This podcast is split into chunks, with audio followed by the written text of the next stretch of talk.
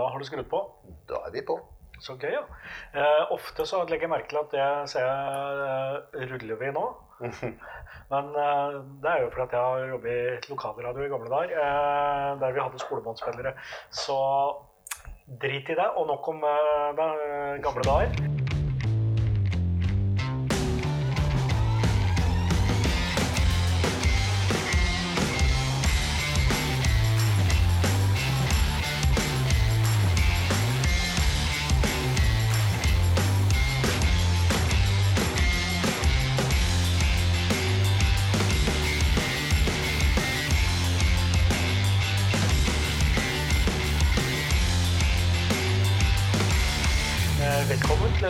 Episode av Maltprat. Nummer 18.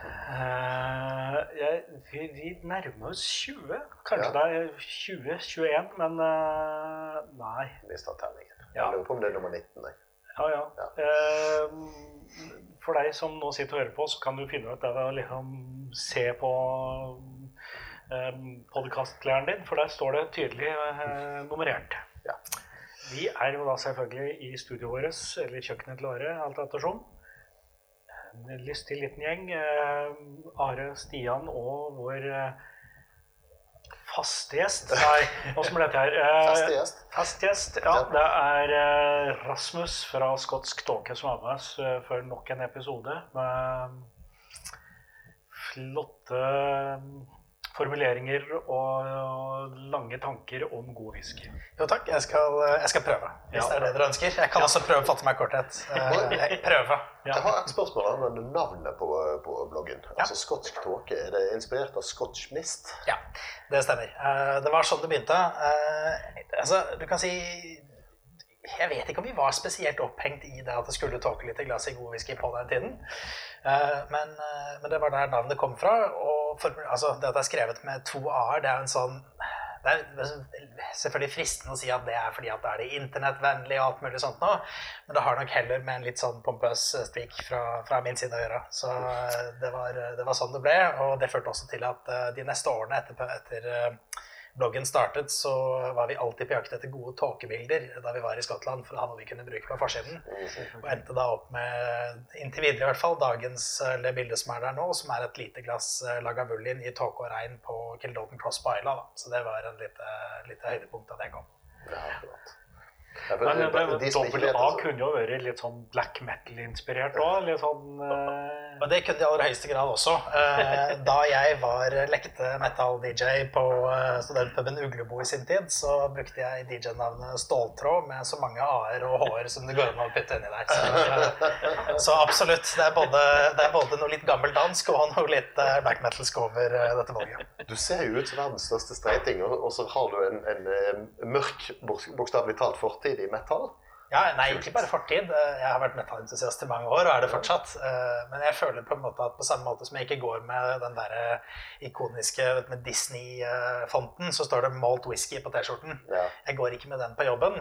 Jeg går heller ikke med Mayhem-T-skjorte på jobben. Det gjør jeg hjemme. Ja. Så i sin tid. Jeg antar du har sett disse svarte T-skjortene som noen lagde på, på Pur F, antar jeg, for å lure utlendinger. Eh, Der du har sånn kjente norske metallband i, i så gotisk skrift som det overhodet mulig. Der det står som f.eks. 'Hårføner' Ja. eller 'Nistepakke'. Jeg syns det er et eh, bra konsept, men jeg, ikke, jeg tror ikke jeg er hipster nok til å gå for akkurat den der. Det er, det er en sånn litt for ironisk greie over det som jeg kan spare meg for. Ja. Eh, Tilbake til skotsk tåke, eller, eller det vil si Scotch Mist. Altså det, det er en kjent bok om nedlagte skotske destillerier som, som spiller litt på eh, dobbeltbetydningen mellom mist og, og eh, så, som i tåke, og mist som i tapt eller savnet. Mm. Eh, som for øvrig en bok jeg vil anbefale. Er Veldig mye interessant der. Så fikk vi en bokanbefaling denne ja, nå, og vi fikk liksom dratt alle mulige varianter av tåke og mist og mist og ja, Ja, Tåkeprat. tåkeprat. Siden jeg er inne på, inne på bokanbefalinger, så har jeg egentlig lyst til å kaste på to selv, så jeg kan få lov til det. Go for it. Mine to favorittbøker om skotsk whisky. Det ene er den eh, til, eh, til Dave Broom. Eh, Den heter vel Whisky, World Whisky Atlas eller noe sånt noe. Ja. Eh, Det jeg liker med ham, er at han skriver som en journalist, ikke som en som eh, prøver å rehashe alt om igjen. Så du merker at han har lekt seg med at det er en artikkel om hvert destilleri. Det er ikke en eh, standardtekst. Og så er det jo selvfølgelig den legendariske boken til Alfred Barnard fra 1800-tallet, som eh, nå endelig fins til en grei pris på Amazon. Og det er bare å løpe og kjøpe. Det er eh, litt vel mye nerding om, om ting som blir for nerdete, men en eh, veldig godt skrevet bok om fordumswhisky. Jeg skjønner ikke for nerdete. Når du ser hvor mange square furlongs med korn det skal til for å fylle en mesketønne som er på eh, et eller annet eh, enhet som har gått ut av produksjon og bruk for lenge siden altså, Alt som ikke er metrisk, er teit, og dette her er langt forbi. Jeg, jeg elsker sånne sære målemetoder. Altså det, det, er noe av det beste jeg vet. Eh, en av mine favoritter er eh, et hastighetsmål som heter eh, mikropa, nei, attoparsec per mikrofortnight. Det, det, er da en hastighet på ca. en tomme i sekundet. Vakkert. Um, ja. det, det, det, det, kan være vanskelig for lytteren å oppfatte at dette er en temaepisode. ja. Dagens tema er faktisk en forespørsel fra en av våre lyttere. Og hadde jeg vært godt forberedt, så hadde jeg visst navnet. Jeg skal klare å finne ut av det i løpet av litt preik, men poenget er at vi skal snakke om eh, sånn en kategori av whisky som kanskje ikke er så innmari ofte omtalt. Det fins jo en del tapninger, men den er litt sånn Ja, folk vet kanskje ikke forskjellen på det her og, nå, eh, og den, eh, sin navnebror, f.eks. Samtidig som det absolutt fins uh, sære kvalitetswhisker uh, i små opplag innenfor dette. Og det jeg prater om, er da selvfølgelig blended malt. Mm -hmm. det, det, er da blends, altså, altså maltwhisky fra forskjellige destillerier. Men det inneholder ikke grain whisky. Det, det er fremdeles det at eh, kornet som har gått inn i produksjonen av dette, har fremdeles vært maltet. F.eks. Ja. mais har så mye sukker at du, du malter ikke mais. at du, går, du, kverner det opp og kjører det rett i destillasjonsprosessen. Ja. Og det er altså til forskjell fra da single malt, som jo kom fra ett destilleri, så er det single malt fra flere destillerier. Ja. ja. Um, og det, de har jo en tendens til å være litt rimeligere enn uh, single malts, uh, som gjerne har et navn. Ja, Ofte, men ofte så er det de fleste som leder an i liksom å lage der, er jo de uavhengige tappere. Eh, eller tar jeg feil? Det er i hvert fall min, min oppfatning av det at, det. at, det. er sånn. Det er vel de man legger mest merke til, kanskje. Altså, ja. Du har jo uh, brands som uh, Monkey Shoulder, f.eks., som jo ja. er å si, er vel, Nå er det vel Eh, det, det, var jo i stor grad Kirindi. Nå er det vel eh, dette nye destilleriet til, eh, til, til Grant der. Men, men i hvert fall litt Baveny og litt Glenfiddich, og, og, det er stort sett det. Ja. Um, som jo selger ganske mye. Og det er jo noen andre sånne, bl.a. en jeg ser på bordet foran oss her nå, uh, som jo er en offisiell tapning sånn sett. Men um, jeg kan vel tenke meg at, at, det er en del uavhengige tappere som ser på dette som en grei måte å lage noe eget på. Ja. Ja, ja og, og, kanskje, ikke sant, altså Kanskje de, ja, de gjør noe eget, og kan det òg være den faktoren at ok, ikke alle fat vi har fått tak i, er like gode, men hvis vi mikser dem, så kan det bli noe bra. Det kan nok være noe i det òg, tenker jeg. Eh, så har vi òg en, en spesial, en spesialtilfelle, på en måte. Og det er en teaspoon blend. Så, som kanskje ikke egentlig er en blended malt som sådan. Men basically noen har kjøpt en tønne fra et eller annet destilleri, og så har de fått beskjed om at kan ikke bruke denne merkevaren. Eh, og rent sånn på papiret så har de tilsatt en teskje med en annen whisky oppi. Ja. Sånn at eh, formelt så er det en blend. I ja. praksis så er det ikke sikkert de har tilsatt den teskjeen engang. Nei, og hvis den teskjeen er tilsatt, så har den forsvinnende liten uh... ja effekt. Det vil jo være en single malt, egentlig. Det er bare ja. at eh, det er, eh, man får ikke lov til å kalle det Der har du jo Burnside, som er Balveni med Glenfiddich, og Wardhead, som er Glenfiddich med, mm. med Balveni, mm. uh, som eksempler på ja.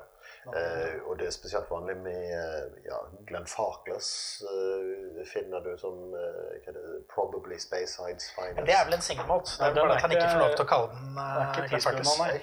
Nei. Mm. Um, men, det, men det, ja, det, er jo flere som driver med dette. Eh, altså, Freud har begynt å tidsbundet, tror jeg. Eller sier at de tidsbundet. Mm. Hvorvidt den er tidsbundet eller ikke, det har jo egentlig ingen effekt. Det, Nei, altså, det er ingen forskjell. Som Nei, absolutt ikke. Men vanskelig for uh, oss som er uh, ivrige forbrukere å faktisk uh, vite hva som er hva da innimellom. Mm. Eh, men nå, da, i mellomtida, så har jeg faktisk funnet ut hvem det var som kom med forslaget. Det er Jon Christian som, som rett og slett har foreslått eh, temaet 'blended mots'. For her begynner det å komme en del godt.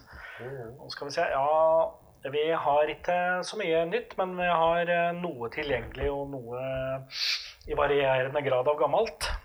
Eh, Så skal vi kaste oss over dagens dobbel allerede.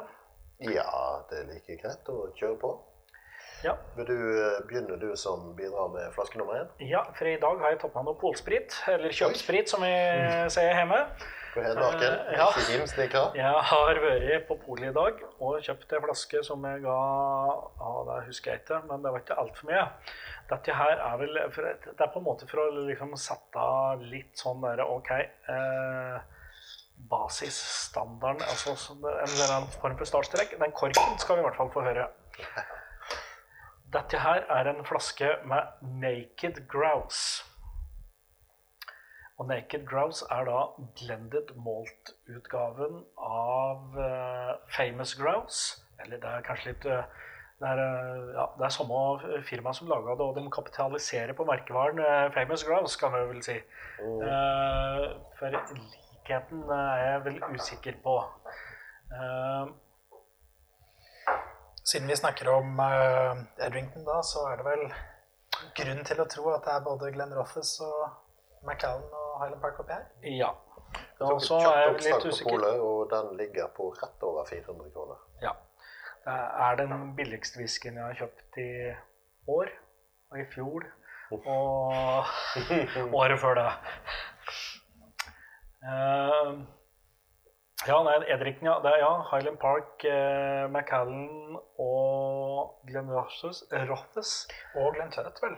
Ja, jeg vil jo tro Altså, nå har jo Glenn Tørret, tror jeg muligens har jeg, er solgt nå. Det var i hvert fall til salgs, men eh, jeg vil jo tro at kanskje de fata fortsatt har vært i bruk her. Nå må du helle opp Are, sånn at du henger med, henger med i Jeg svingene. tenkte, tenkte du skulle forberede meg til en litt seinere en.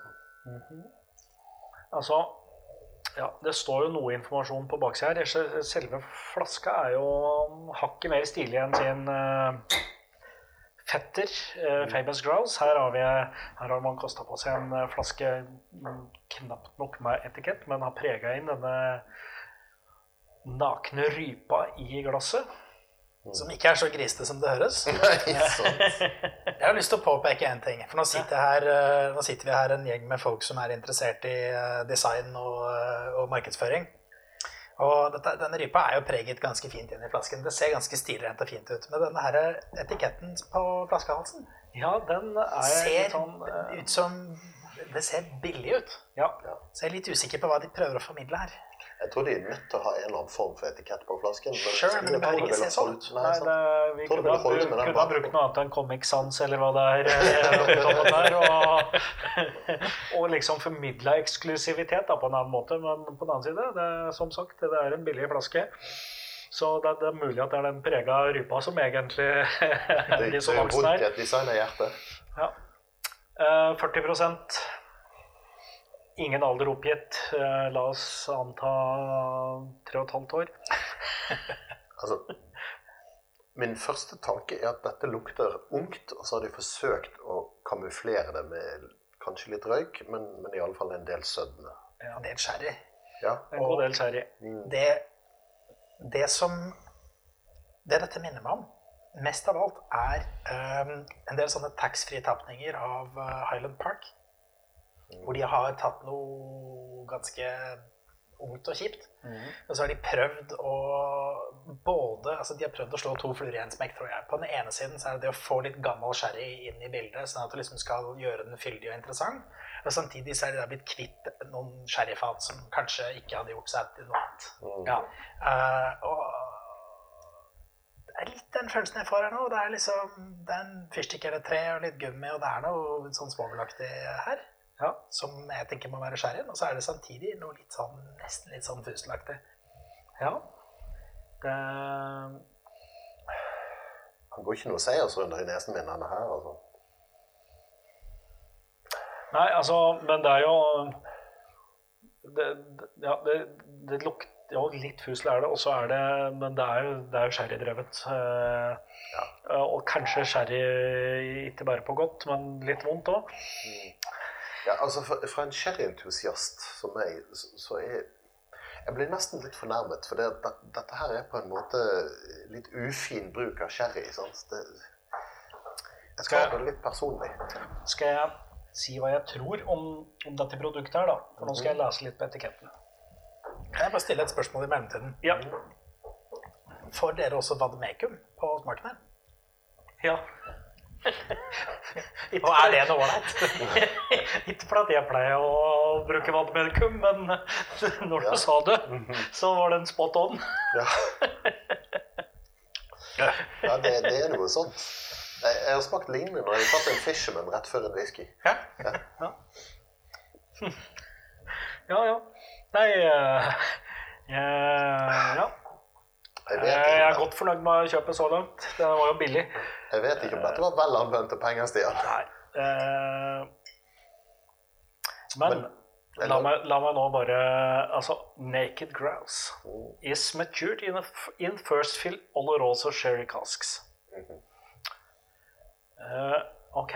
Eh, og så, så, går de videre her med å si at og, dette er spesielt gode fat. Derfor så har vi tatt eh, selvfølgelig valgt ut spesielt god whisky som får æren av å ligge på dette fatet, er storyen på baksida her. Jeg tror jo at dette her er en måte å lage, produsere gode refill sherryfat på en kjapp måte. Her ligger denne eh, whiskyen og på en måte t- tar vekk det verste sherrygreien over ja, ja, minimum tre år, da, men ikke så jævla mye lenger heller. Og så, og så har du et refill eh, sherryfat som kanskje blir bra til noe annet. den kjøper jeg, og det er jo eh, Litt bedre, Dere har vel snakket om, eh, resultat. Ja. Dere har vel snakket om Ben Romak i en tidligere episode, mener jeg. Og det er jo eh, et destilleri som eh, eieren Gordon McFail bruker mye til det, så vidt jeg skjønner. At eh, det er mye first fill der, fordi at de vil ha refill-fatene til sine independent-tapninger. Ja. Og det, det høres ikke ut som en, en dum teori, det. Men spørsmålet er jo hvor lenge har denne whiskyen ligget på de sherryfatene? For det kan godt være at det er seks måneder. Ja, det, ja, det er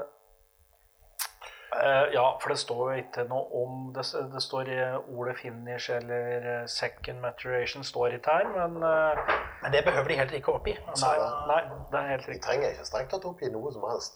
Det, det er jo akkurat det som er litt problemet for oss Ja. nerder. At, Ja, Men dette her kan du finne ut mer om hvis du uh, er interessert, for da kan du, uh, du, kan du check out our naked world. Dette her blir en interessant, eh, et interessant eh, jeg tror ikke jeg skal legge den inn i neste Sand på jobb. nakedgrouse.com.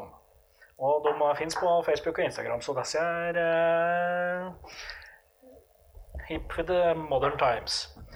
Uh, ja, ok. Eh, jeg må jo innrømme at jeg, var ikke, jeg hadde ikke all verdens forventninger til dette her.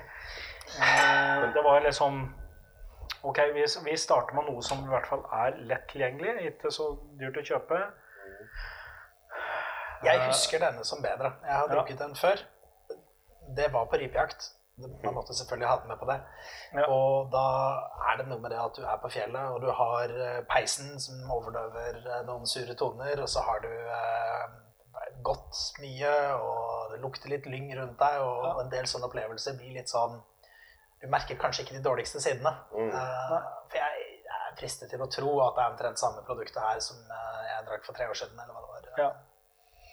Men eh, altså, for det første Denne lukter litt rått og uferdig på nesen, men jeg syns ikke han leverte på det i smaken. Han, han er kanskje litt mer ensidig i smaken, men han, han er bedre på smaken enn han er på lukt for meg. Han, han smaker litt brent sukker ja. og, og ikke så veldig mye annet. med mitt. Jeg må jo da komme med en innrømmelse. Jeg drikker jo ualminnelig mye famous grouse. Fordi at Hvorfor det? Ja, eh, la meg få, få forklare. Eh, Det er, det er min svigerfar eh, satt fram når vi er på besøk der. Mhm. Så derfor så kjenner jeg jo på en måte Famous Grouse eh, på mange måter bedre enn jeg liker. Men uh, Er det noen grunn til at din svigerfar forsøker å skremme deg vekk? nei, dette er, Men Famous Grouse er jo Norges mest solgte whisky. eh, Så de fleste som skal ha seg en whisky, de kjøper jo Famous Ja. Uh, Og det er jo faktisk en gjenkjennelig profil mellom Naked Grouse og Famous Grouse. Mm. Eh, Ja, og jeg drikker heller denne, Bart, Ja, enn Famous Grouse. ja. Eh, Jeg bruker både isbiter og vann og i, Det blir litt Famous. interessant å se hvordan Famous Grouse utvikler seg over årene fremover, nå som de har solgt eh, primærdestilleriet sitt uh, Glen Turret. Ja, er det primærdestilleriet, eller er det Det var bare fall der de hadde jo opplevelsessenteret Ja, sitt. Det stemmer, men det er vel også et fryktelig lite destilleri. Det er det. De produserer ikke mye. Så hvor mye Glenn det faktisk er oppi der, er jo ikke godt å si. Nei. Nei, ja. Det er, altså, Famous Grouse selger jo enorme volumer på verdensbasis. Ja, for det er jo ikke bare Norges mest eh, kjøpte whisky, det er jo Storbritannias mest kjøpte whisky også, vel? Ja, og de Ja, kommer høyt opp på pallen på, på verdensbasis òg, vil jeg tro. Eh, Så, så det, det er no way Glenn Turret kunne bidra i, i noe volum på det på verdensbasis. men Og det kan men ligge er i kontrakten nå. Men er det til besøkssenteret omtalt som the spiritual home of famous grouse, så, Ja. eh, så Men altså, jeg er veldig glad for at Glenn Turret nå er solgt og, og er uavhengig av det der eh, markedshysteriet det her igjen. For Glen Turret er et ganske idyllisk og vakkert destilleri. Det ligger nydelig til ved siden av en bekk og masse grønne trær, og det er fredfullt og fint. Eh, Så jeg, jeg er litt fornøyd med at det, de ikke lenger har noe med Famous Grouse å gjøre. Og denne fryktelige store statuen av en rype er fjernet derfra. Men, men ok, til, tilbake til, til selve whiskyen. Altså, for drøye 400 kroner så, så er dette noe jeg faktisk kunne funnet på å kjøpe til bruk på i marinader eller gryteretter eller Ja, okay, Ja. cocktails eller altså han, han er ikke ubrukelig til det. Nei, det, det, det smaker ikke dritt. Det gjør ikke det. Men, men samtidig så tenker jeg det at har, går man ikke på nok bomkjøp til at man alltid har til marinader og cocktails? Ja, så- sant. Uten å måtte liksom kjøpe en egen flaske for det? Ja, men det er når du skal invitere 150 personer i bryllupet ditt, og du vet at ikke alle er like interessert i whisky som deg Da tror jeg de må klare seg med en vanlig rippe. altså. Det, Ja, det er sant. Ja, ja det, det er jo et poeng. Er, er dette her rett og slett en løsning på jakt etter et spørsmål? Nå, nå er vi filosofiske her. altså, er, er dette et tilbud som ikke har en etterspørsel? Det er et godt spørsmål. Jeg, Jeg tror at de har ikke For meg, og det, det kan godt hende at jeg har sovet i timen her For meg virker det som at Monkey Shoulder har klart å gjøre noe ut av seg. Ja. De har skapt et fenomen. De har uh, satset både mot uh, casual whiskydrikkere, og de har leflet litt med sånne som oss, og de har uh, sagt at dette kan du bruke i cocktails, null stress. Ja. Og så har du litt sånn cool, quirky innpakning. Ja. Mens her er det litt sånn Igjen den der dissonansen mellom den rypa og den etiketten som ser ut som eh, Det ser, det ser litt ut som coveret på eh, det der ene gule albumet til Sex Pistols. som, Ja, eh, riktig. Ja, ja, det er noe ja. Nevermind the, nei. Jo, Nevermind the Bollocks, er ikke det? Ja, litt sånn, men litt for pent til å være punk òg, så Ja. ja, det er men, men det er klart, altså Hvis du da er eier av en av de største whiskybranda, så er du jo alltid ute etter en mulighet til å selge mer av produktet ditt. Og da er det jo ofte litt sånn OK, differensiere meg. en sånn, det Hva er det det fins av? Det, det fins jo flere grouser. Det fins white grouse og black grouse. Snow grouse er vel den. Snow grouse heter den, ja. Som, er, som også er en av de der Denne her er spesiallaget for at du skal putte isbiter i den. Noe som betyr Ja. at her puttet vi den dårligste whiskyen vår. Ja, ja, men, men det, det blir OK, jeg er vant med å kjøpe famous Ja, kanskje jeg skal prøve en annen. Og så har du plutselig solgt en flaske til. Eh, Så det, ja, det OK. Nå, nå føler jeg for at vi trenger å gå videre til noen Ja, andre, ja, Eh, andre filosofiske helt utfordringer. Og denne her eh, er også 40 og jeg likte denne veldig veldig godt når jeg først smakte den. Som jeg sa tidligere før vi begynte å opptake, så er dette min flaske nummer tre eller fire av sorten. Uh, Og uh, lord God Almighty, også kjent som uh, Jim Murray, uttalte i sin whiskybibel at uh, Greit. Eh, nei, bare fortsett, du. Sa- Sarkastisk. Stian, Ja, det, er, det er vanskelig å formidle sarkasme, Are. Ja.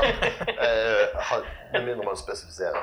Han, han uttalte at Nå skal man ta hans ord litt forsiktig, da, men likevel. Han uttalte at denne her er noe du burde selge din bestemor for å få en flaske av.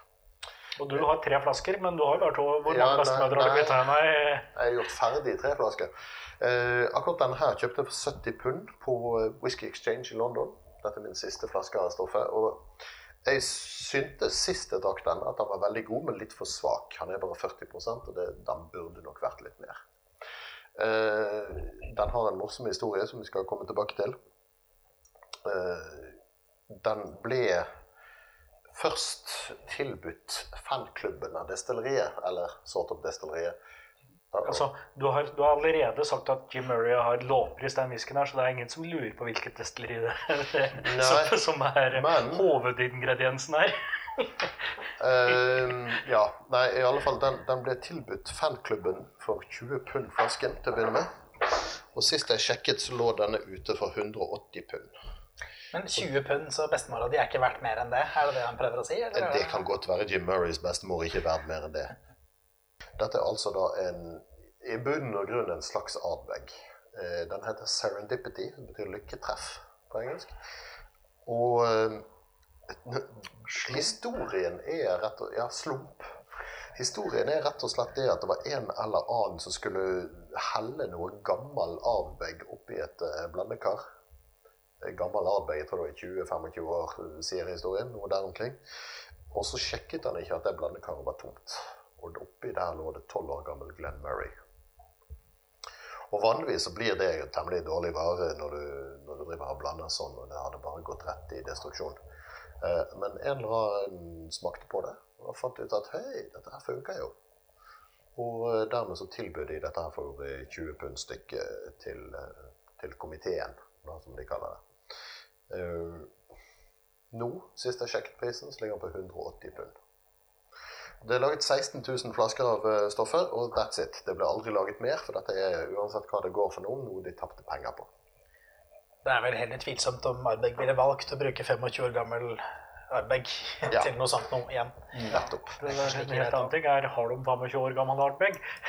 Du, det tror jeg faktisk de kanskje har.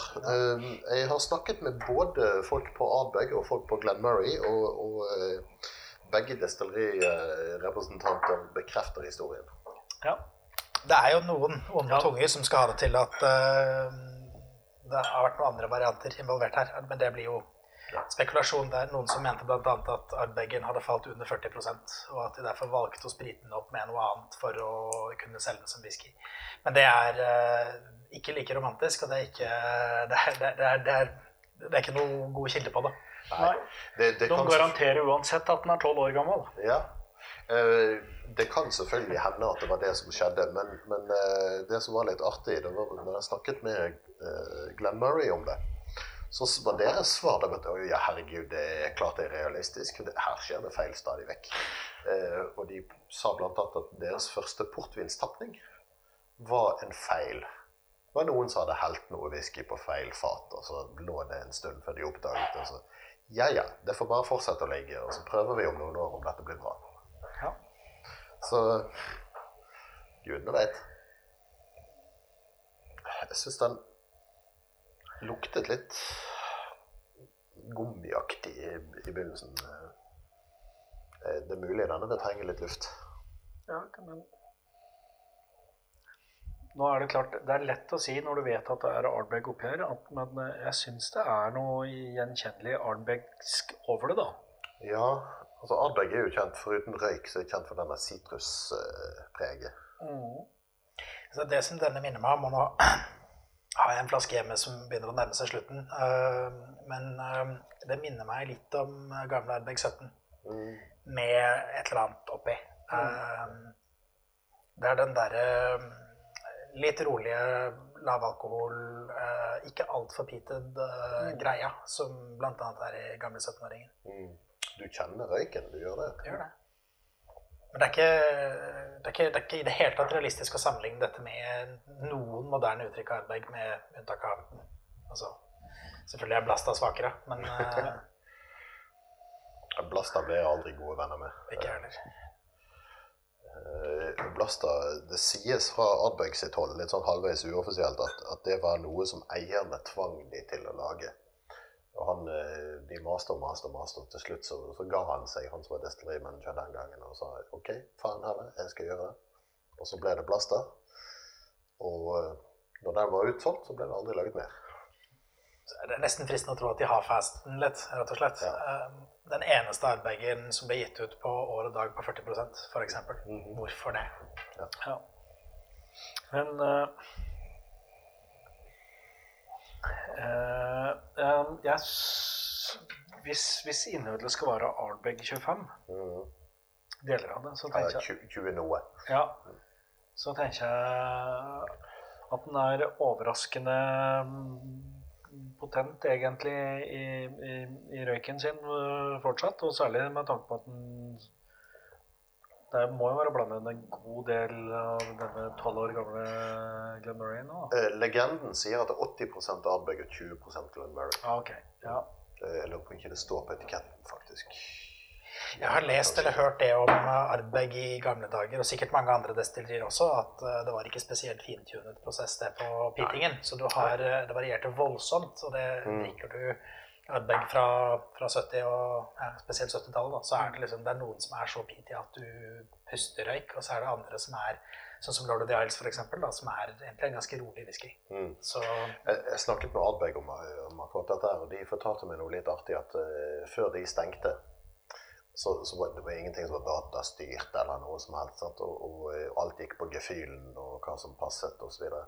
så når de drev og, og, røykte maltet sitt, så lå det en viss periode til neste dag eller noe sånt noe, når neste skift kom på jobb, og så raket de ut av det. og så ferdig det. Men det siste batchen som ble laget klar før helgen, den ble liggende over hele helgen og så ble den ryddet ut igjen mandag morgen. Så den hadde jo ligget i to og et halvt døgn eller noe sånt i røyken. Dette høres ut som noe vi kjenner fra andre gode destillerier som Springback. sant. Så, så, en gang i uken så ble jo ting fem ganger så røyket som det var før. Eller resten av uken. Og, og det høres litt ut som 80-tallet, ja. ja. Men jeg syns jo eh, van, altså, Men det er jo litt greia når du glemmer ting. Det er vanskelig å aldersbestemme ting, selvfølgelig. fordi at eh, noe her er relativt gammelt, og noe er um, ja, ikke direkte ungt, men uh, jeg syns denne smaker yngre enn uh, oppgitte noen og 25. Altså det, det, er noe med at røyken Ja, men den her, som, som, det står, så er den garantert 12, da. Ja, uh, Ifølge legenden så er det fordi at det var 12 år gammel Glenberry. Ja, ja, selvfølgelig. Og da, men uh, den kjennes ikke ut som den er så veldig mye eldre enn 12, egentlig. Nei, den gjør ikke det. Men jeg, jeg, tror denne her kunne vært veldig mye mer interessant hvis den var sterkere enn 40. Det kan tenkes. det kan tenkes. Får denne på 46 eller ja. noe sånt, så tror jeg faktisk den hadde Men bortsett fra det, jeg syns dette er en god whisky. Uh, og det jeg tenker, er litt denne at hvis man aldri har smakt 70-, tidlig 80-tallsarbeid, mm. så vil man antagelig ikke uh, se på dette som en spennende airbag. Mm. Men når man har gjort det, og dessverre får gjøre det nesten aldri fordi det er så hinsides dyrt, ja. uh, så er det et eller annet nostalgisk her. Det er et eller annet, Dette forteller at det er en historie om whisky jeg kunne drikke for ti år siden uh, med god samvittighet, mm. og som nå ikke er realistisk i det hele tatt. Ja. med mindre man har atskillig bedre råd enn jeg. og det trekker det opp for meg. Mm. Ardbeg var lenge favorittdestilleriet mitt før de begynte med Eller før de gikk for langt med disse tullete tapningene. Så mm. den ene håpløse årlige tapningen etter den andre. Det er fortsatt et destilleri jeg er veldig glad i, og det er et destillat oppi her, og det er en smak og en karakter oppi her som gir meg mye glede. Mm. Jeg er helt enig i at det burde vært høyere alkoholvolum. En annen ting som hadde hjulpet meg, var om det var uh, mindre Glenn, Glenn Murray. jo, jo. Men hvis du tar, tar, historien for god fisk, så er på en måte tabben allerede gjort. Ja, men det man har mulighet til her, er å smake gammel Ardbeg uten å betale det hvite ut av øyet. Jeg tror jeg betalte ca. 100 pund for min flaske for fem år siden. eller et eller annet sånt, Og det var den verdt. Ja. Og nå er det jo spennende. Nå har du vel eh, nettopp Nå har de jo eh, begynt å komme seg over ti år i standard aldersanmerkning. Den 19-åringen som ble lansert for ja, et par uker siden, eller når det var. Den er nok fra før stengetid, vil jeg tro. Nei, Nei. der tror Er, jeg er det det blir 19 år siden de åpnet igjen? De åpnet jo Ja, det, ja. det er det jo faktisk. For de Ja, åpnet vel igjen i 99, tror jeg. Jeg har lenge ventet på at de skulle gjeninnføre 17-åringen sin, men det har de ikke gjort. Nei, det blir Nei, men det som er greia, er at den 19-åringen, så vidt jeg Hvis jeg har fått med meg ting riktig, så blir det en ny standardtapning. standardtappning. Altså. Ja, standard og standard. Det er Ja, jo nei, men komplette den- den- resultater. den kommer- Han solgte ut på 20 Ja, ja, den kommer i batcher, men de har tenkt å liksom ha den jevnlig, da. Det er interessant, for prisen var for en gangs skyld ikke helt overkommelig. Ja, hva var lå for? Jeg, jeg ville tippe at hvis den kommer på polet, så, så rundt 2000 kroner. Ja, For den lå vel for 1800 svenske eller noe sånt var det ikke det? På systemet? Ja, 168 pund, tror jeg. Men ryktet skal òg ha det til at den ikke kommer på polet, så fall- vi får vente på batch 2. Det, det som irriterer meg, er at det, det er to-tre måneder siden jeg var på Island. Hadde de lansert den da, så hadde jeg garantert kjøpt den. Så faen. Uh, ja, nei, uh, unnskyld. Uh, fi- filleren Men når, sa du når denne her eh, kom, Are? Når den ble lansert? oh, Det husker jeg ikke. Uh, tidlig 2000 en eller annen gang. Uh, Ja, for det, altså, det jeg legger merke til, er at det, her står det blended malt, som er eh, dagens tema, for så vidt. mm. Men eh, det har jo ikke alltid hett det. Det har jo hett helt andre ting tidligere. Mm. Ja, Serendipity kom i 2005. ja, så det var jo eh, før det var en, eh, en lov som sa noe om det. Altså Det hele begynte jo altså Dette med å blande sammen maltwhisky er jo ikke noe nytt. Det har man jo sikkert gjort i hundrevis av år. Men historien går sånn at det begynte med at uh, etterspørselen etter Cardu var så stor i Spania at uh, de ikke klarte å levere, eller ikke ville levere nok.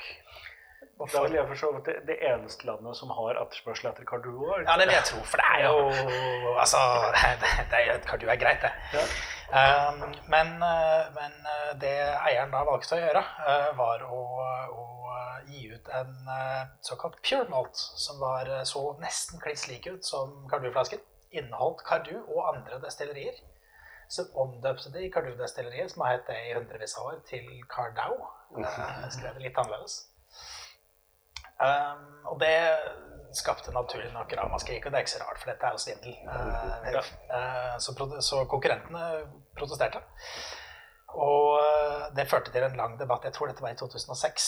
Uh, og i 2009 så ble, det, ble man liksom enige om at uh, det skulle være ett uttrykk. Fordi hvis du sier pure malt, så sier det egentlig ikke noe om hva det er. Det kunne vært en single malt. Det er litt sånn Ja, voldelig ja, ve- veldig uttrykk. mange gamle tapninger i Springbank har jo pure malt, som er single malt Springbank. Ikke sant? Uh, Men i dette tilfellet så bruker du da ordet pure om noe som overhodet ikke er pure. Så, så det, det ja, lukter er, litt er, feil. det er pur malt. Ja, Det er å si. det er, Eh, det er, så- du kan alltids legge en, en hvilken som helst spinn på, på sånne ting, men, men bottom line er jo nettopp det. At det er jo ikke et, et så rent produkt som de skal ha det til. Og jeg har smakt den selv.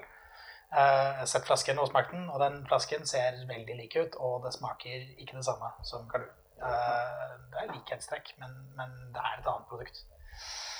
Så da endte man opp med en regel som sa at det bare var lov å kalle det blended malt, til det er en del som mener, blant annet, eh, blant annet eh, Fred Lang, eh, fyren som styrer Douglas Lang, mener jo at det er håpløst. At blended malt er for likt blend, og at man burde valgt vatted malt, som sier at det er blandet sammen, men med et annet ord.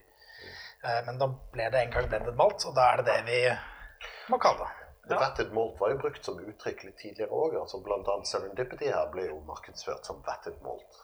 Vatted malt har har også lang historie, som pure malt. som det, det alltid alternerte. Man kunne kalle det egentlig hva man vil. eh, Eller i hvert fall, det var flere ord, uttrykk som var i bruk. da. Eh, og da er vi nå, for nå har jeg en veldig myk og fin overgang til neste flaske. Det blir fordi at eh, det er en flaske med en historie da òg, men eh, jeg kan eh, vel ta den korte historien om tapperen. For de har tappa en flaske som heter The Last Watted Malt. Eh, som da selvfølgelig var eh, timer og sekunder før eh, loven trådte i kraft, sannsynligvis. Men eh, ble offisielt sluppet dagen før. ja. Men det, Det der er et markedsføringsgeni. Jeg, eh, jeg, som, som utdannet og praktiserende markedsfører så har jeg enormt stor respekt for, eh, for Compassbox og, og hva de driver med. Ja. Og da kan jeg jo bare fortelle hva vi har fått i glasset òg. Ja. Det er Rasmus sin flaske, så du skal få æren. Ja, jeg, jeg tok med en flaske med Spice Tree fra Compassbox. Ja. Som eh, er en av ganske mange whiskyer som Compass Box har vært i hardt vær eh, rundt. Eh, Det kom vel, Første opplaget kom i 2005, hvis jeg ikke husker helt feil. Og for å gi den litt ekstra spice og, og personlighet, så puttet de eikestaver av fransk eik inni fata. I tillegg til, altså I tillegg til vanlig fatlagring så var det ekstra pinner oppi. ja, litt sånn som vi drev på Hedmarken, så kunne du av og til få kjøpe eikeflis til å legge oppi destillatet ditt da, for å gi den et preg av noe annet. Ja, det, det er jo sammenlignbart. Eh, Kan jo, uten å slenge dritt om eh, Hedmark og stolte norske tradisjoner, så, så jeg har for så vidt en, en oldefar selv som drev med diverse. Eh, Men, men Nei, så, så Dette ble slått ned på, da. Man mente at, at dette, var, dette er ikke tradisjonell praksis. Det er ikke sånn man lager whisky. Eh, Nei. Man skal putte i tønner, og så skal det ligge i tønner, og så blir det ferdig. Noe som er litt teit holdning. Eh, Jeg syns det er greit at man blir informert om at sånne ting har skjedd, men, Ja. men, eh, men det må da være lov å eksperimentere med det. Det er, det er snakk om whisky og eik, det er ikke noe annet. Nei, sant? Det er ikke noen andre ingredienser. Så... Ikke noe som er tilsatt eller eh, Og det er jo lov å frese opp innsiden av tønnestavene for å øke overflatevolumet. Så det, det, blir, det blir veldig sånn Det er uklar grenseoppgang her. Og de endte jo opp med å finne en løsning på det. Fordi at uh, Campusbox er kreative folk. Så da var det sånn OK, vi får ikke lov til å putte pinner oppi. Da bytter vi ut lokket. Så da ble Ja. det lokk i fransk eik i stedet. Mm. Og uh, det var det ingen som kunne si noe på, for da var det plutselig en tønne. Mm.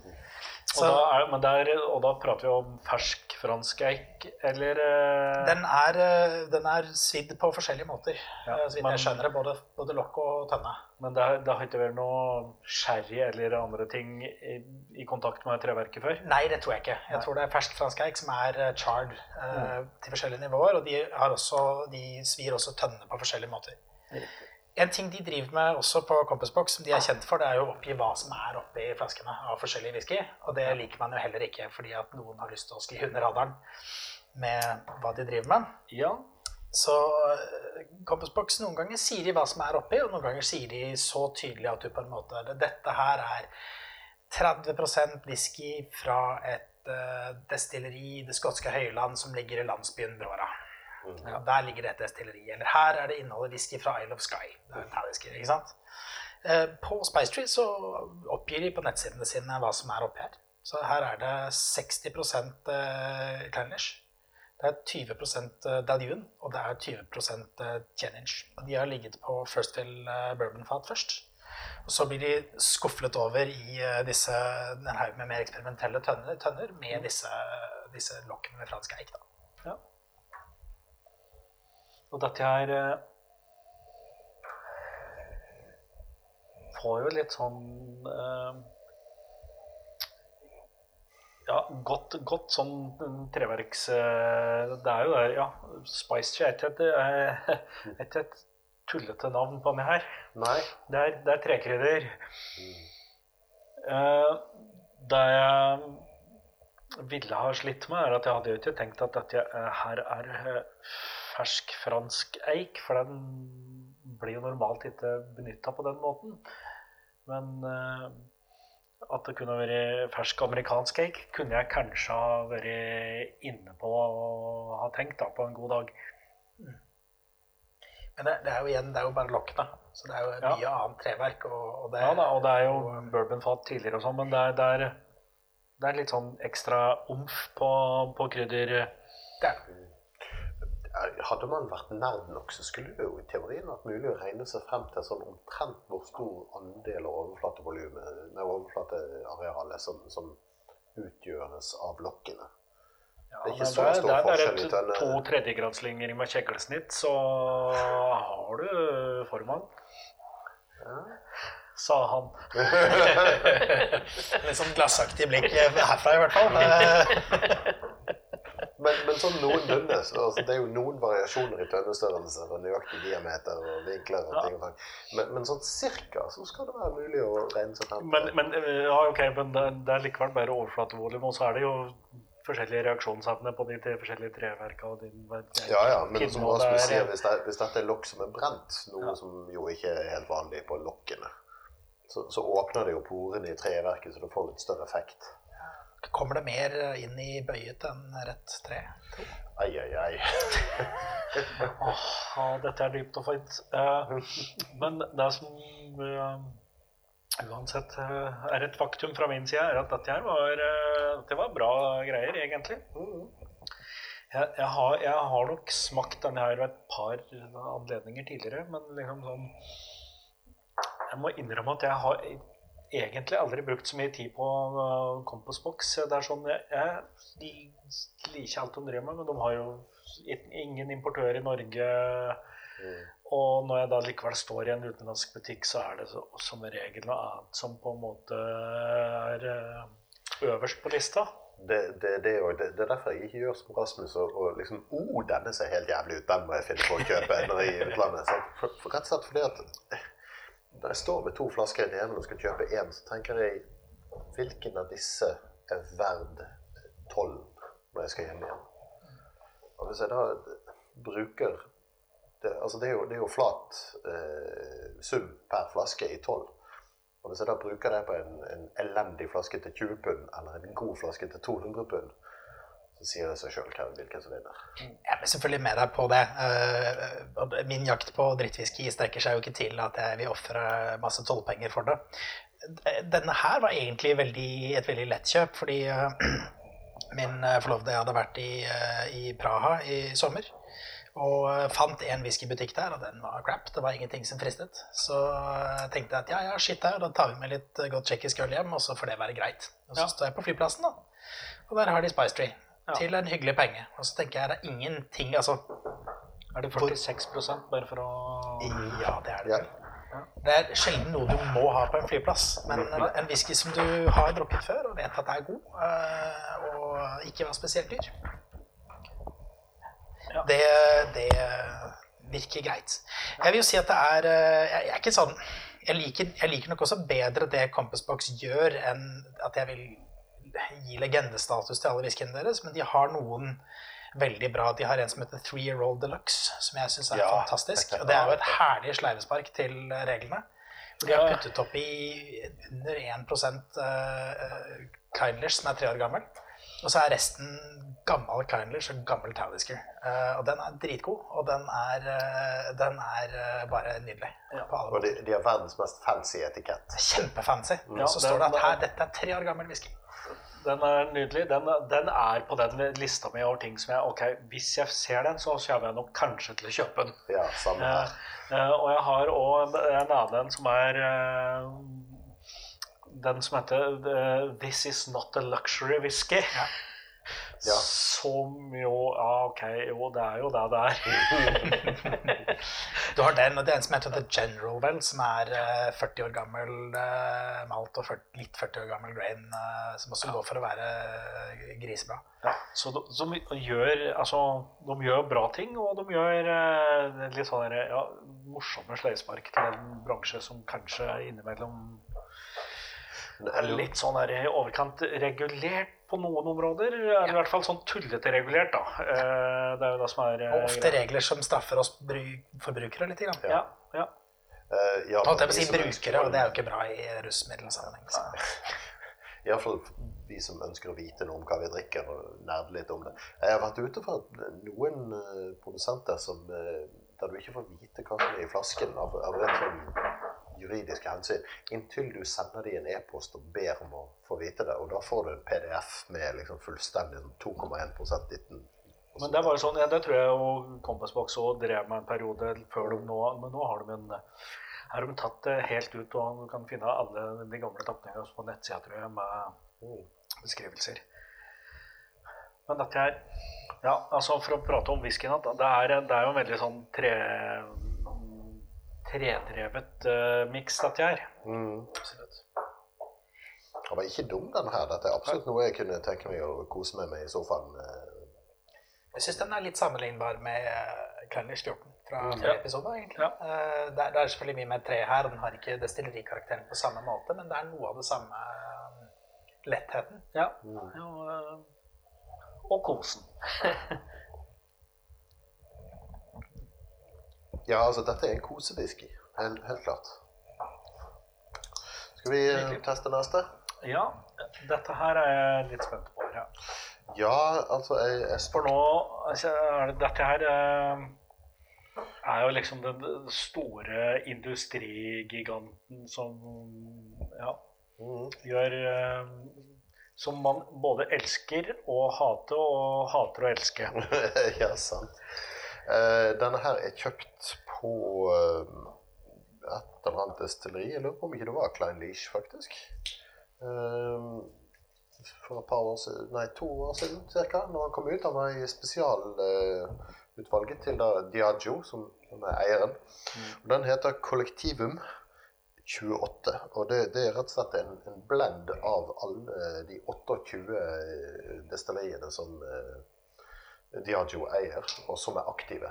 Altså f.eks. Port Ellen og Bråre, som, som enda, enda ligger nede, de, de er ikke med her. Eh, men det er en blended whisky, altså det Eller blended malt, mener jeg. Det, det er ikke det er ikke grain igjen, selv om de eier et par grain-destillerier òg. Den var vel 2018-spesialutgaven? Nei, 2017. Ja, fjor, jo, jeg tror det er 18. Nei, for de, Eh, de kom med en annen sånn kystnære destillerier i fjor. ok, ja. Det, det, årene går så fort, så jeg rekker jo ikke å følge med på alle ting som er eh, i de special releasa. Jeg eh, husker ikke om Nei, jeg tror ikke det var Klein Leach kjøpte den i. når jeg tenker meg om, Men det var et eller annet uh, Diageo-destilleri jeg var innom, og så hadde de ikke egentlig noe interessant uh, der. Men fra destilleriene så så jeg den der og tenkte ja, vi prøver den. Ja, altså Du kan jo kalle det litt gimmick òg, da, å blande alle de åpne destilleria de har. Eh, Det, det, det viser jo litt, kanskje litt muskler og i det hele tatt, men eh, Og ja. eh, Generelt så er, jo, er det jo veldig mye bra i de special release-seriene til Diageo. Og så trenger vi ikke å nevne prisa. For da Jeg husker ikke hva den ligger på. 150-60-70 pund der et sted. Ja, som jo er Du kan kalle relativt kostbart for en, en blended malt uten aldersbetegnelse. Ja, altså det hadde nok egentlig vært billigere å kjøpe den på Polet enn å kjøpe den på et destilleri i Skottland. Ja, nå tror jeg den har den vært på polet. Han var innom Polet. Eh, ofte så pleier det å stå hvilke type fat på de her eh, Tror det er på de her eh, special releasene, men dette her er vel da så mye forskjellig at det er eh, Det har vi ikke giddet å liste opp, for det står bare ja, at det er, eh, det er fatstyrke, selvfølgelig, og modnet, blandet og flasket i Skottland. 57,3% det- Han er ikke på Polet nå, i alle fall. Nei. Spørsmålet er Eller et spørsmål er Er det bra at det er så mange destillerier blandet sammen? Eller betyr det at vi mister fokus? Nei, nei, det er jo ikke normalt i, i blended whisky. I, definitivt ikke blended, men der vil du ha et lettdrikkelig blast eller smooth uh, Ja. Uh, uh. Ja, og Eh, konsistent fra år til år. Ja. Men, men når man snakker om altså, Vi som entusiaster, da, til den prisen og, og alt mulig, så er ikke dette her ment for den gjengse blenddrikker, åpenbart. Eh, vi, vi leter jo Jeg regner med at det gjelder dere også, etter eh, karakter. Etter noe som skiller seg ut, etter, etter gode, fundamentale smaker. Mm. Uh, Denne holder for øvrig 57,3% så det er ikke akkurat en baking. Nei, og den har Ja, det er ikke mye, men det er, det er litt sånn bare spritstikk i Så Jeg skal, jeg skal nok ty til pipetten om litt, men uh, Men den var ikke dum. Nei. Jeg, jeg merker han er, han er litt vanskelig å lukte på, for han river litt i nesen.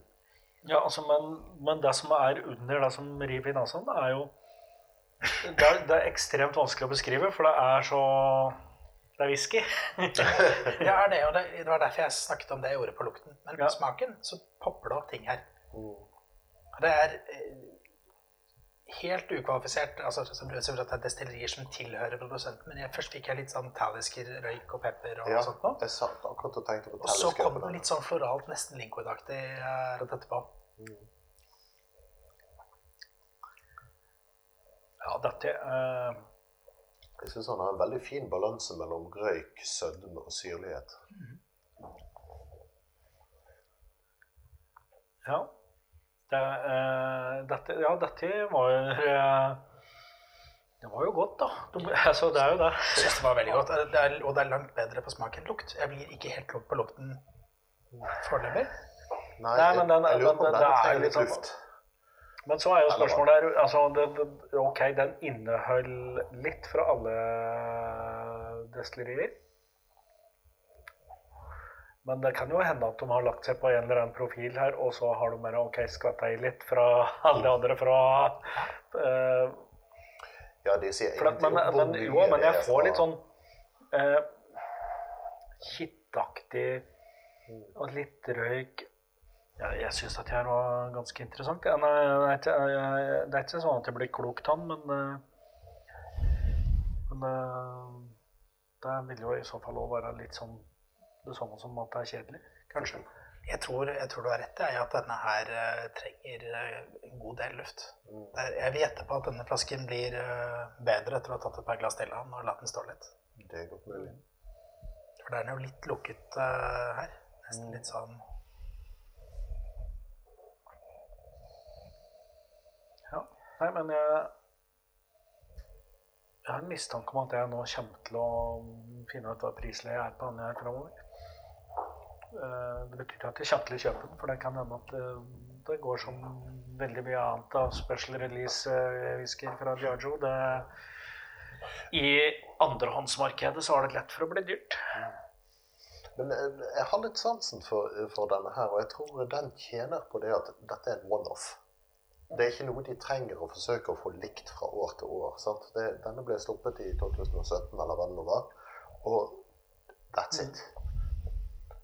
Så de, de har ikke trengt å tenke på, eh, på at den skal være replikerbar. Nei.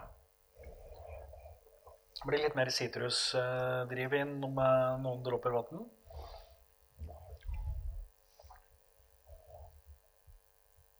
Den svømmer fint, denne her. Det er eh, Vann gjør den veldig godt. Ja. Og det var litt artig at du nevnte Talisker, for jeg satt akkurat og tenkte på det. Dette, minner meg da veldig om Talisker, men tør jeg si det? Det må man bare gjøre. Jeg, jeg, har, sikkert vær, tatt, vær frimodig. jeg har sikkert tatt feil så mange ganger bare i løpet av denne podkasten at, eh, at det er eh, Men det er greit. Det, det lever jeg fint med. Ja. Jeg håper ingen tar noe av det jeg sier eller skriver for å være gospel, for det er det virkelig ikke. Det er en whiskyentusiast som ja. snakker om det han liker. Altså, vi, vi har allerede vært innom likheten mellom whiskysmaking og diktanalyse, så Men eh, nå Jo, litt vann. Dette er det var en interessant kompleksitet i denne, syns jeg. Og jeg, Ja, og, til forskjell fra, i hvert fall fra single cask-ting, da, som er- altså, de kan være komplekse og ha dybder og Men, men det er liksom Det er likevel ett fat. mm, Eh, her er det noen lag, altså. Det er mange ting som, eh, som prøver å ta oppmerksomheten din. Og det er det jeg syns er eh, vanskelig med disse, uten at det er en negativ ting, men at det er litt sånn I et fat så kan du sitte og jobbe deg ned i det. Hvilke krydder er det dette minner meg om? Hvordan Mens, eh, mens med så mye forskjellig så er det litt sånn Hei, her er jeg. Hei, her er jeg. Ja, nei, jeg, ja det, det, du, det, det, sannsynligvis så kommer du aldri til å finne ut det, men du kan bare sitte her og mm. lukte og nippe litt. Eh, ja. Jeg fikk en, var- liten smaksprøve av denne her på Kalila nå i sommer. Og eh, det var litt sånn eh, OK, her er en liten skvalp av den svelger unna, for det at om fire og et halvt minutt så starter vi Kalila-smakingen. Og, Ja. og da Denne her er bedre når jeg får litt tid på den. Enn det han var for liksom bare gulpe ned på et glass og håpe det beste. Og så det verste, altså. Jeg satt på uh, lageret til uh, Lagavulin for noen år siden. Vi hadde drukket oss gjennom eh, noen helt fabelaktige fat og satt med et 34 år gammelt sherryfat som var helt magisk. Vi hadde det ene glasset vi hadde fått utdelt, og så sier eh, han som eh, dro oss gjennom smakingen, at nå, nå skal dere få smake noe ordentlig godt, så nå må dere bare drikke opp det dere har. Og da fikk vi smake den derre Jazz Festival eh, 18-år-utgivelsen Ah. som vi hadde litt for mye av i butikken og ville at de skulle kjøpe. For det er i motsetning til alle de andre fatene der, så eh, kan du kjøpe den i butikken. Og du sitter her med noe som helt sikkert er en god whisky, men du har bælmet Ja. den siste lille skvetten med 34 år gammel sherryfat lagret Lagavulin. Det er trist. Altså, det, dette er grunnen til at hver eneste gang jeg drar på whiskytur, så har jeg med meg et par tomme sampleglass i bagen og en liten takt. Vi lærte det på den turen. Og Jeg har ikke vært med noen siden. Men eh, det ble jo rene spekulasjoner, men eh, det er jo Gjennomsnittsalderen her er mer enn tre år. Mm. Jeg vil nok tro det. Absolutt. Det er, eh, det er greit modenhet på liksom Ja, Men- dette her var godt, Altså, altså. Diageo har som sagt 28 destillerier pluss et par grain destillerier pluss et par som er stengt og gjenåpnet. Eh, de har så mye å ta av at, Ja, ja. at de, skal, de skal slite godt for å lage noe som ikke er bra. Eh, og, og det som er litt artig, det er at de, de har noen som lager enorme mengder, og så har de noen knøttsmå destillerier. Hvordan de har blandet dette her, det, det må jo fuglene vite. Det, jeg tviler f.eks. på at Royal Lochnagar er spesielt eh, sterkt representert. Men det, det, da kommer vi også litt tilbake på hvor mye en andel av et destilleri gjør i blending sammenlignet med et annet. Altså det er, det er uh, I Chivas Regal så er det jo Stratila som er på en måte nøkkeldestilleriet. Og andelen Stratila er visst ikke veldig stor. Nei. Men det er en veldig assertive smak, så putter du det oppi en blend. Og det gjelder for så vidt også ikke sant, røykvisker som uh, Talisker og Lilla. Da. At det er putter oppi lite grann, så, så gjør det veldig mye. Ja. Og det kan jo være sånn med en del av de Det er ikke sikkert du kjenner røyksmaken i det hele tatt. Det er bare det at den, den gir han en struktur som, som holder resten sammen. Absolutt. Ja, Kalila er, vel, er jo kjent for å liksom være den som Du skal ikke ha mye av det, men du skal ha litt i en, en god blend. Det er jo da det er litt påfallende at Kalila produserer jo like mye eh, maltwhisky som resten av Ayla til sammen. Ja. Men det er greit, det, for det er god whisky. Ja, ja. Det skal vi Altså, jeg er usikker. Vi prøver jo å liksom bygge opp en slags forventning om at det skal komme noe godt til slutt. Nå, nå ble jeg litt usikker etter å ha smakt på den forrige. Men vi skal i hvert fall ha kveldens, episodens eh, eldste, må vi anta. For det er den eneste som har giddet å skrive alderen på Nei, eh, det står eh, minimum 12 på Serendipity. Men eh, vi kan gange der litt, da. Og så skal vi opp på 40 år. 40 år, det, det er en anstendig alder for en whisky. Ja. Og da er det Douglas Leng som for noen år siden begynte å eh, gi ut eh, en, ja, en serie med blended malts, som jo er eh, for så vidt interessant på mange måter. Den eh, som de kaller regional malts. Eh, vi sitter nå og heller opp høylandsutgaven, altså Highland regionens eh, blended, og den går under navnet Timorous Beastie. Den er oppkalt etter et uh, dikt av Skottlands nasjonalpoet uh, Robert Burns, Ja. som heter On turning, up her, uh, On turning her up in her nest with a plow, fra november 1785. Det er viktig å få med at det er fra november. Ja, sant? ja. Skal jeg forsøke meg på å lese første vers, eller? Ja, jeg syns ja det det. syns jeg vi kan koste på oss nå. Nå har jeg ikke den skotske aksenten som skal til for dette, men vi gir det et svakt forsøk.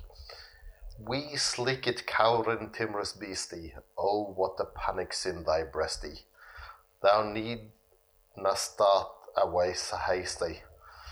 We bickering brattle, I wad be laith to rin a chase thee.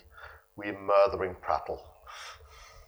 Veldig bra. eh, det- det- Nei, det var, det var ikke bra. Men, men i alle fall eh, Er det en poet som ikke kan stave, så er det jo Robert Burns.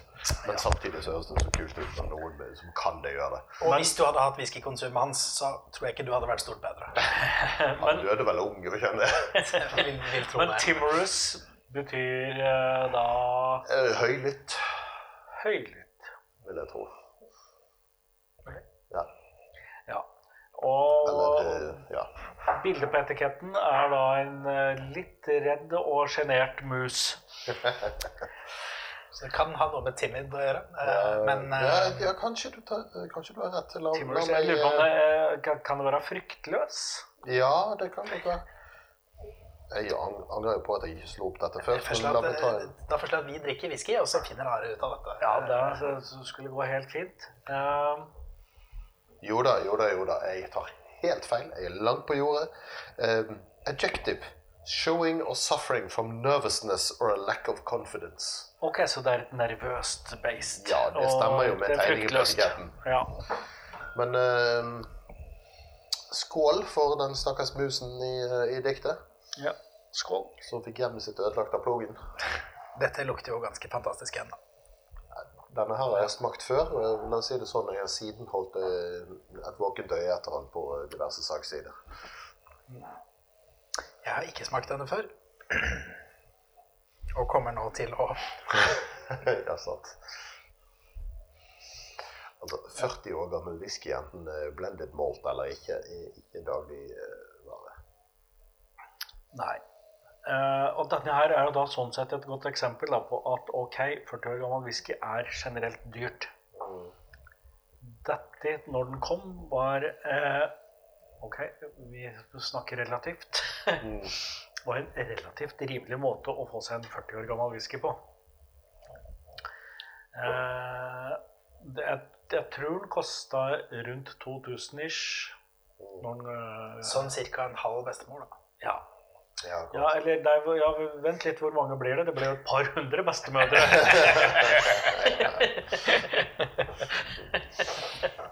uh, og jeg fikk, ja, jeg fikk en, eh, en, en smaksprøve av dette her, som jeg tenkte ja, ok, denne flaska, skal jeg skaffe meg, og har eh, da gjort det, og nyter den sakte. Eh,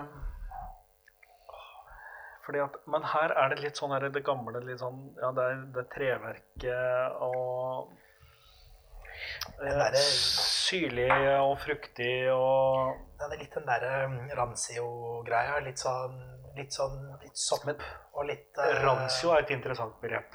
Kan du, kan du Altså, utdype? nå er ikke jeg noen konjakksekspert, men uh, så vidt jeg forstår det, så er det et begrep man bruker om noe som skjer altså Det stammer fra konjakk, men kan like gjerne brukes som whisky. Noe som skjer etter lang nok lagring. At det begynner å anta noen spesifikke noter som på en måte er eh, Kan dette være eiken? Kan dette være destillatet? Hva er det som har skjedd oppi her? Du forbinder det gjerne med sopp. Litt sånn jordkjeller, kanskje litt sånn teaktig. Ja. Eh, Det er noen sånne noen Plutselig så kommer det til noen ny sødme som du egentlig ikke helt klarer å plassere. Eh, og det Så transjord høres jo ut som noe som burde smakt dårlig, men som ikke gjør det. Ja, i grunnen. Og jeg er helt sikker på at dere kommer til å få noen, noen sinte mennesker som kommer og forteller hva, akkurat hva det er. og sånn. Og da, jeg er glad amatør. Jeg, jeg, Ja, vi, har, vi, har så, vi har så få sinte lyttere at dette går helt fint. Nå, ja. Men eh, Ja, ja, ja inntil nå. inntil, så, inntil nå så har det bare vært dere og Ivar veldig lite kontroversielt. Nå, nå har dere han fyren som kommer til å slakte en av verdens mest solgte whiskyer om uh, få dager. Eh, jeg kan jo si, Det er jo litt mer informasjon på flaska. altså sa jeg eh, 54,7, det snakka vi om. Det er, eller det gjorde vi kanskje ikke, men det var på forrige flaske som var omtrent det samme. Han oppleves ikke så alkoholsterk. Nei, den på er- nesen eller på i Men det er jo litt sånn en gammel whisky som har høy alkoholprosent. Det er da er Ja. 1080 flasker, og den var faktisk tilgjengelig på polet på et eller annet spesialslipp, tror jeg. Jeg tror det kom seks flasker da, ikke sant. Det er eh, irriterende få flasker, selvfølgelig, for det, ja. Eh, 1080 flasker. Og så en eller annen plass har jeg i hvert fall Jo, nei. Det står selvfølgelig ikke på flaska. Men uh, hvilke destillerier er det som befinner seg i Highlands, da?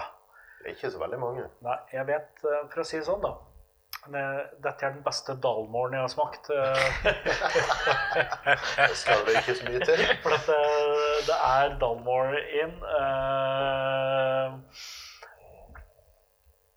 og det var det jeg egentlig huska av lista over Jeg lurer på om det kanskje står noe på boksen, hvis jeg klarer å lure meg bort til boksen uten å lage altfor mye støy. Her står det jo en lang, lang uh, greie, men uh, Du er en sånn særing som tar på boksen. du. Ja, når ting skal stå lenge Uh, Interessant nok, da. Her, ikke sant, Vi prata om Douglas Leng og begrepet the malt'. Eh, der har de da Her har de nederst på etikettene står det 'distilled, matured and wotted' i hermetegn and bottled in Scotland. Så de eh, insisterer selvfølgelig på å informere om at, at det er egentlig what vi syns at burde være begrepet. Nei, her var det bare masse, masse, masse tekst. Ingenting om distilleria, så Nok om det. Eh, men det er jo begrensa antall fat da, som har gått inn etter for å få 1008 flasker. Eh, jeg lurer på om Glenn Goyne er med her.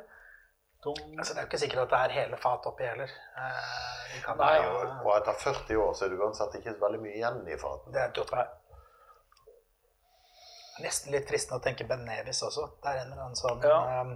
litt sånn ja. musty sherrynote som gjerne Ja. Altså, igjen, musty, det gamle sherryfat er gamle sherryfat uansett. Men eh, Ja. det er noen ganske tunge, seige destillater som har tålt lang fatlagring veldig bra. ja. Men, men det taler til deres fordel at den er 54,7 altså for det, da, da er det mindre sannsynlig at det er noe som har vært 39 og som de har spritet opp ved å blande det ut med et eller annet. Veldig godt poeng. Men øh, åh, den der er for meg helt nydelig. Uh, skal vi begynne med karakterer, kanskje? ja er, vi, er vi klare? Ja. Ja. Uh, skal vi ta, ta whisky for whisky, eller skal jeg bare avlevere alle mine? Nei, vi tar, vi tar det én og én til opp til debatt. Ok, ok, vi må slåss for eh, karakterene. Uh, Naked Grouse får for meg en femmer, og da syns jeg er Skal, skal jeg komme kort innpå nå, for nå har jeg ved hjelp av digitale hjelpemidler funnet ut hvilke destillerier som er eh, involvert i den siste flaska. Oh, ok. Eh, det er Glengoyne, Dalmore, Glengeary og Blair Athol. Oh. Ja. Alle de har jo bra stuff hvis de bare vil. Jeg har bare besøkt to av dem. Jeg, jeg, jeg har vært på Glenn Goyne, jeg har vært på Blair Atoll, jeg har vært på Glengeary. Jeg har ikke vært på Belmore. Geary, gammel Glengarry kan jo være legendarisk. Og det er, Ja. eh, det er kanskje det er det som er uh, kickeren her. Altså. Men, uh, mm. men igjen, det er åpenbart gode fat alt sammen. Ja. Og Og det som er, altså Jeg syns jo hele serien da, for at eh, Ok, dette er jo på en måte Jeg tror det er den eldste som har kommet, men eh, det, de fleste som kommer, er jo mm, uten alder. Eh, og alle egentlig verdt å prøve ut. Altså, jeg var på lansering av Scallywag, som er Spacehide-utgaven.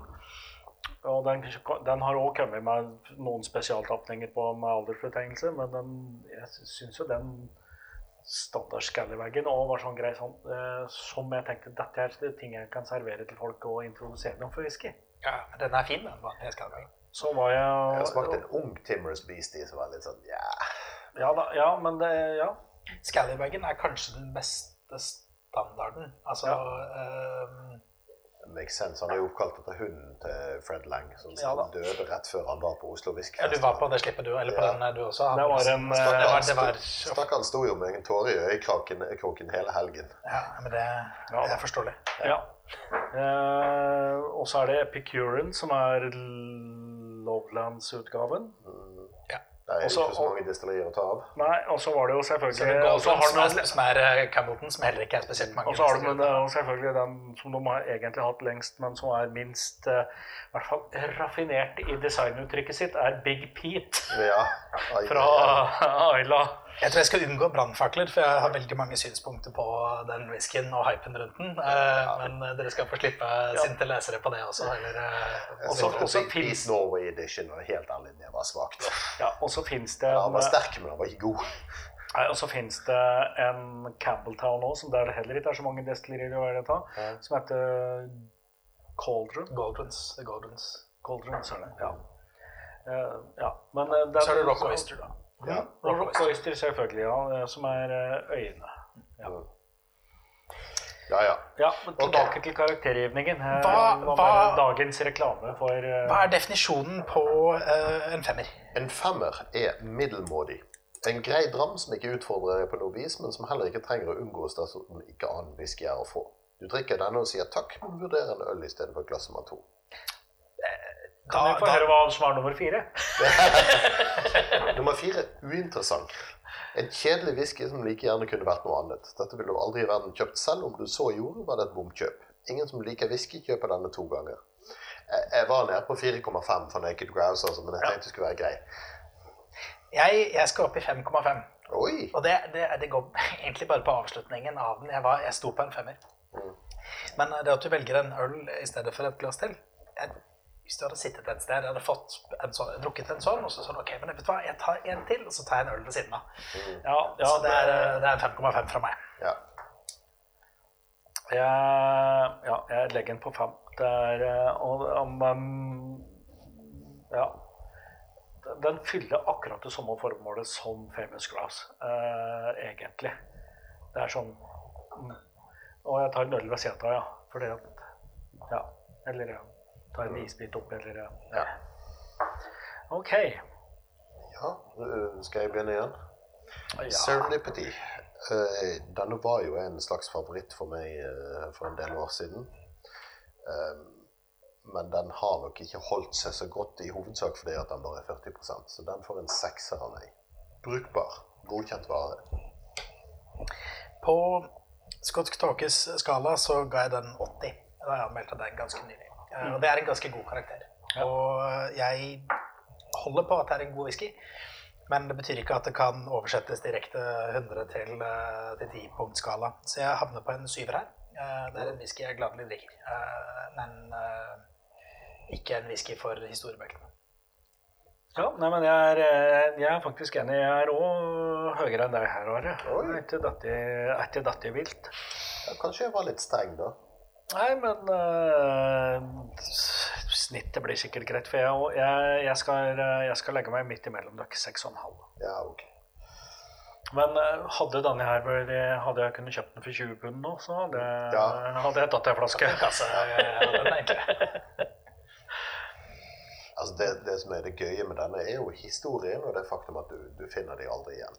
Altså det, det, Og så er det den der lille påminnelsen om hva Ardbeg var baki der. Jeg holder på den, altså. Ja, ja, det er uh... ja. Ok. Compass Box Spice Tree. Den får med, av meg en streit syver. Jeg syns den var god. Eh, fin med litt krydderpreg. Eh, som jeg sa, en kosewhisky. Jeg er enig. Eh, Det er en eh, rett ut syver.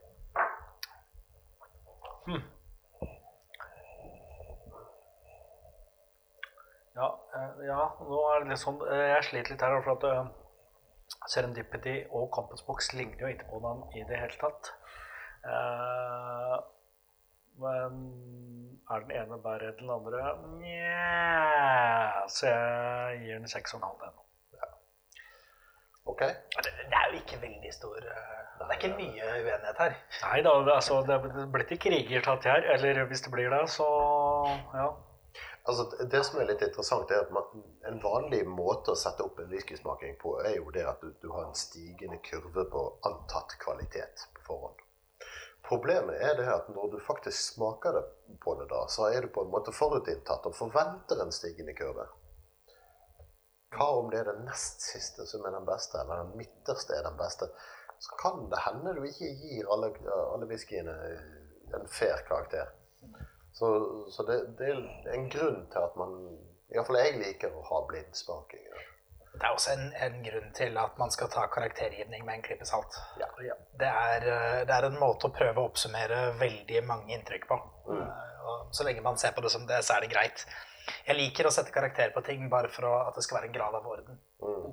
Men utover det så er det egentlig relativt verdiløst. Hva, spesielt hva en annen person har gitt noe i karakter. Ja. Jeg setter karakter på whisky av to grunner. For det første, jeg vil ha et eller annet mål på hvor godt jeg likte den. Mm. Og nummer to, jeg vil registrere at jeg har smakt den. Sure. That's it.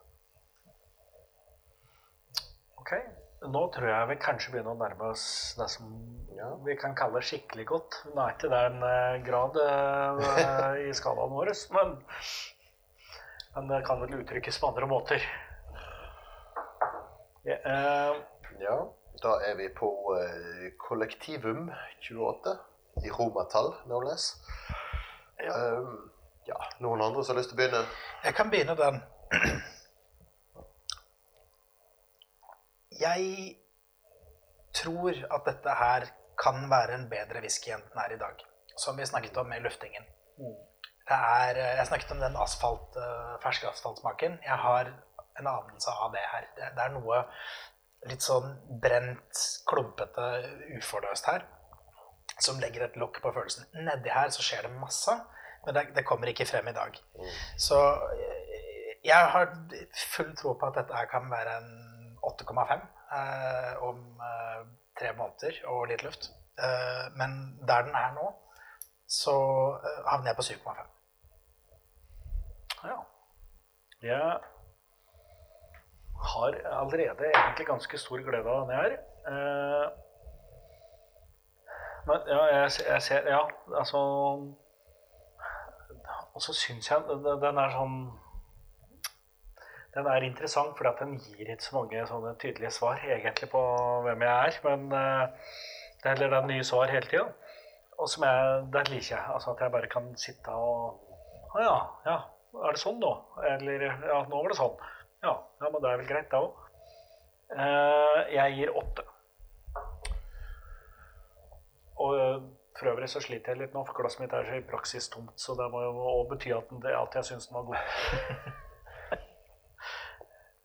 jeg holder med deg i det. Eh, åtte fra meg òg. Eh, jeg syns jo bare det at på den tiden vi har sittet her og, og, og pratet, så, så, har den kvittet seg litt med det stikket jeg kjente når han har nylig helt oppi glasset. Han har fått den luften han tenkte Kanskje han ville gått av mer, men, men jeg syns han har hatt godt av det han har fått. Altså, det er også det eneste glasset mitt som er tomt. Men det er nok mer fordi jeg har prøvd å lete etter noe her. Så har gått tilbake, tilbake, tilbake. Fordi det er noe her, men jeg får ikke tak i det. Ja. Vil du begynne med Timorous Beast i 40? Dette er nydelig.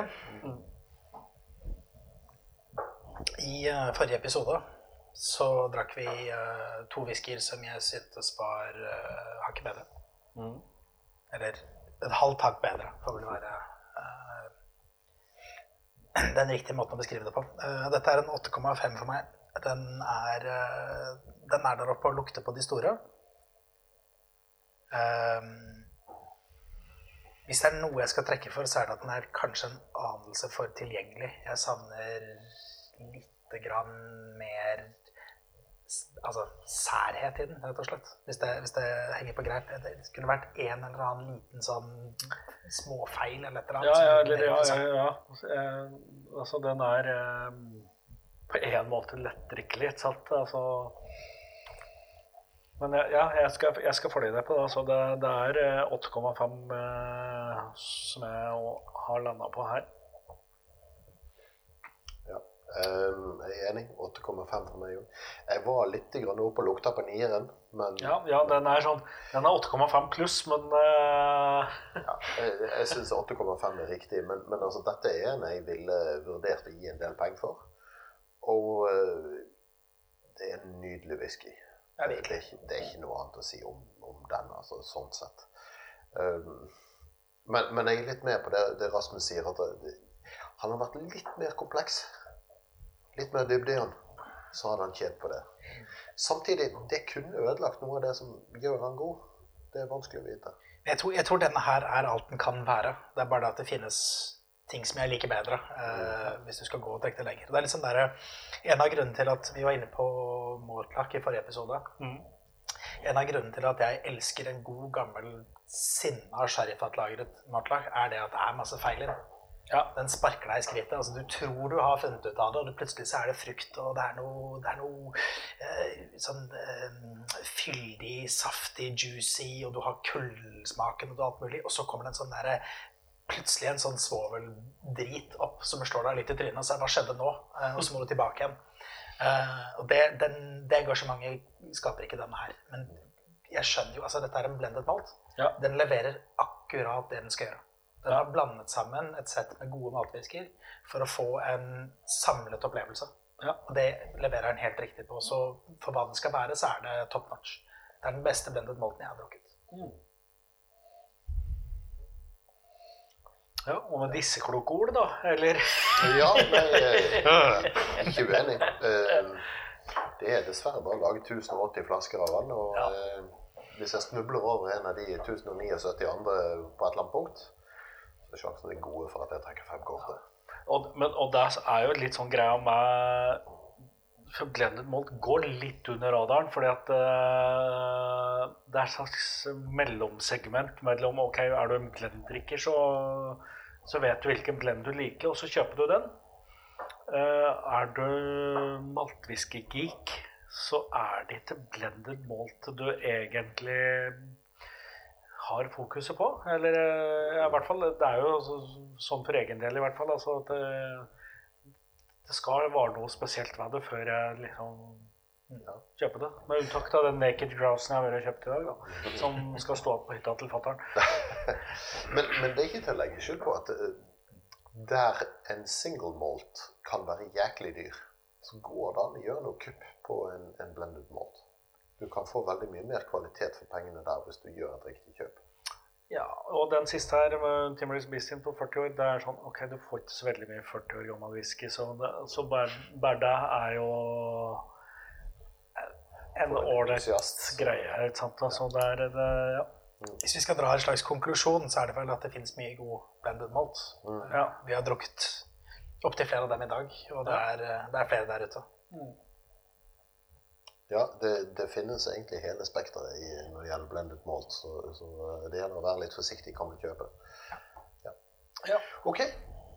Da eh, oppsummerer vi med at uh, vi er som vanlig tilgjengelig på eh, maltprat.com og hovedkontoret at maltprat.com for, for, mail eller Facebook eller skotsk tåke i tilfelle Rasmus. Ja. Eh, se opp for eh, ettårsjubileet til Maltprat som dukker opp før du aner. Ja, Kanskje ikke akkurat på datoen, men, men, rundt om der et sted? Ja, nei, Planen er datoen, men uh, hva vil framtiden bringe? Ja.